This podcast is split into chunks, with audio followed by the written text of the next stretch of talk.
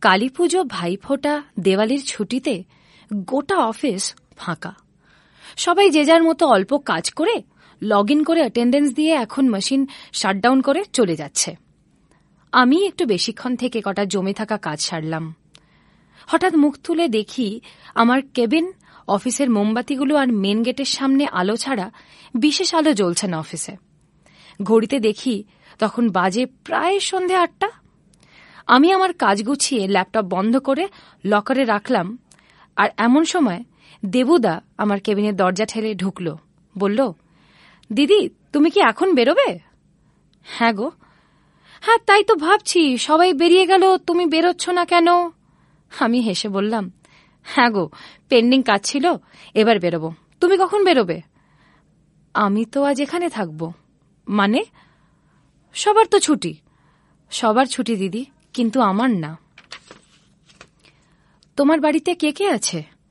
বিধবা মা, দুই ছেলে, তাদের বউয়েরা, নাতি নাতনি আর আমার বউ। তারা তো অপেক্ষা করবে। গত কুড়ি বছর ধরে ওরা আর অপেক্ষা করে না, দিদি। হুম, বুঝলাম। আচ্ছা আমি একটা ফোন করে বেরোবো। আচ্ছা দিদি, আমি বাইরে আছি। বেরোনোর জন্য মেন গেটে গেলাম। দেবুদা এক গাল হেসে বলল, দিদি, শুভ দীপাবলি। দেবুদা, চলো, একসাথে বেরোবো। অফিস বন্ধ করে দাও। মোমবাতিগুলোও নিভিয়ে দাও। দিদি, কি বলছো? আমি বসকে এক্ষুনি ফোন করেছিলাম। তোমার ছুটি আমি ম্যানেজ করে ফেলেছি। তোমার বউয়ের লাস্ট কুড়ি বছরের অপেক্ষা আজ ভাঙবে। আর দেরি করো না, চটপট করো। ততক্ষণে দেখি দেবুদার চোখে জল, মুখে অমলিন হাসি। দেবুদা অফিস গুছিয়ে মোমবাতি নিভিয়ে মেন গেটে তালা দিচ্ছে। আমি দেবুদাকে দেখে ভাবলাম, সত্যি, মানুষটা নিঃশব্দে অফিসের কাজ করে গেছে। কিন্তু আমরা কখনো ঠিক করে ওর কথা ভাবিইনি। সিঁড়ি দিয়ে নিচে নেমে উবার বুক করলাম। উবার না আসা পর্যন্ত দেবুদা ঠায় দাঁড়িয়ে আমাকে উবারে তুলে দিয়ে তবে যাবে।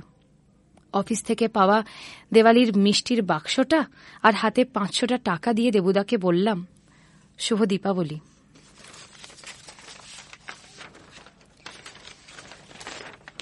দেবুদা বলল, আগে কখনো এভাবে চোখে জল আসেনি। ভালো থেকো দিদি, তোমার খুব ভালো হোক। উবারটা এলো, আমি চলে গেলাম। দেবুদা তখনও আমার গাড়ির দিকে হাত নাড়ছে। এই দীপাবলির দিনে, আসুন না, আমরা অন্তর থেকে জ্বলে উঠি, শব্দবাজি না পুড়িয়ে অন্য কারোর হাসির কারণ হয়ে উঠি।